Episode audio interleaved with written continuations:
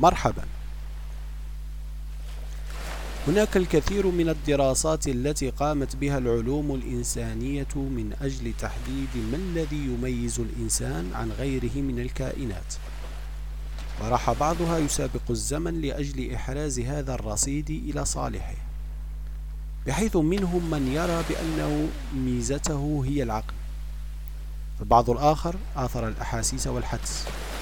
بينما علقت البقية الأمر وضمته إلى الارتقاء الروحي كالروح.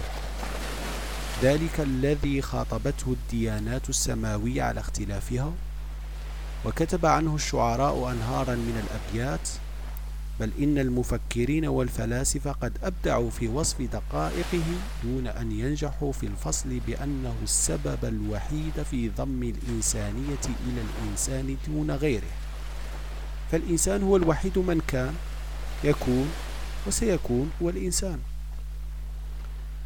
أنا أعتقد بأن الوعي هو الفاصل بين الإنسان كإنسان وغيره من الحيوانات والكائنات الأخرى بحيث يبقى الفرد البشري بشري الطابع والطبع يقوم بكافة الأفعال الحيوانية إلى أن يدرك قيمته بين هذه العوالم فيعمل عقله ليدرك قيمته. بعدها يتصرف وفق ما تمليه عليه الظروف حينا وما يكيفه من شروط العوامل المختلفة أحيانا أخرى. لكن يبقى الوعي في مواجهة العقل قاصرا للغاية. فالعقل يجعل الإنسان مفكرا فيما حوله أو متأملا فيما يوجد بداخله. لكن الوعي هو تلك العمليات التي تقود العقلانية والتعقل معا. فهي التفكير في التفكير كما ورد عند ستيفن.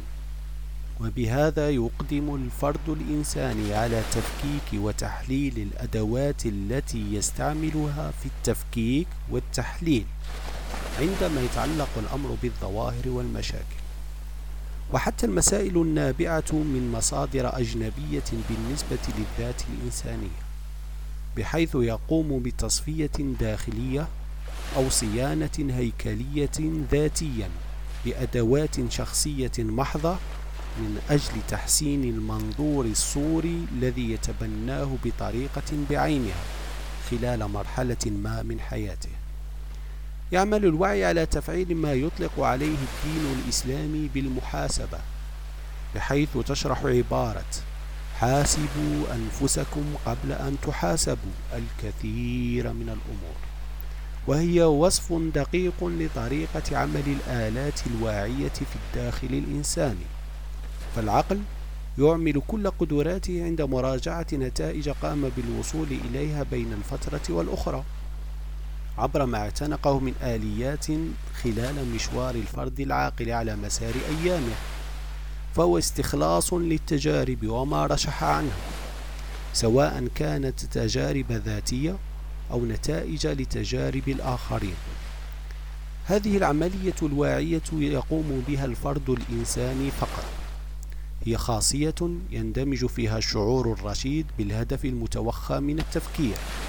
وهي عملية استعمال الذاكرة عبر تجنيد الإنذار الداخلي الذي أسميه بالمرونة للعمل على تطبيق قواعد صارمة يبنيها الفرد عينه واعتقدا أن بإمكانها مساعدته للوصول إلى ما يسعى إليه ضمن شروط تأقلم معها وصارت جزءا لا يتجزأ من يومياته.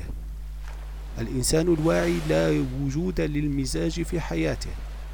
وحتى إن وقع فيه نتيجة لظرف ما أو فراغ روحي ألم به فإنه سرعان ما يستعيد تمسكه بذلك الخيط المتين أو مثل ما يسمى بالعروة الوثقى الذي رغم ما يسببه للفرد من ألم إلا أنه يبقى السبيل الأكثر ضمانة للنجاة.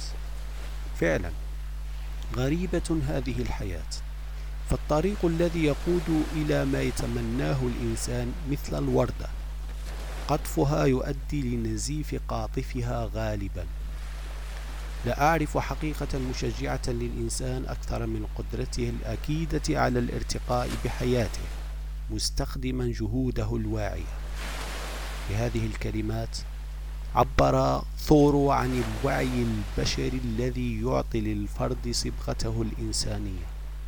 بل ذهب هذا الأمريكي إلى اعتبار الوعي طاقة دافعة للإنسان من أجل الارتقاء دون إغفال الثمن مقابل ذلك ألا وهو بذل الجهد المطلوب للوصول إلى مرام البشر. عندما يحدد الإنسان هدفه ويرصده عبر عقله بعدها يزداد شعوره بالنمو فرحا بالإقتراب منه فإنه سيبلغ مراده دون شك. إما عاجلا أو آجلا.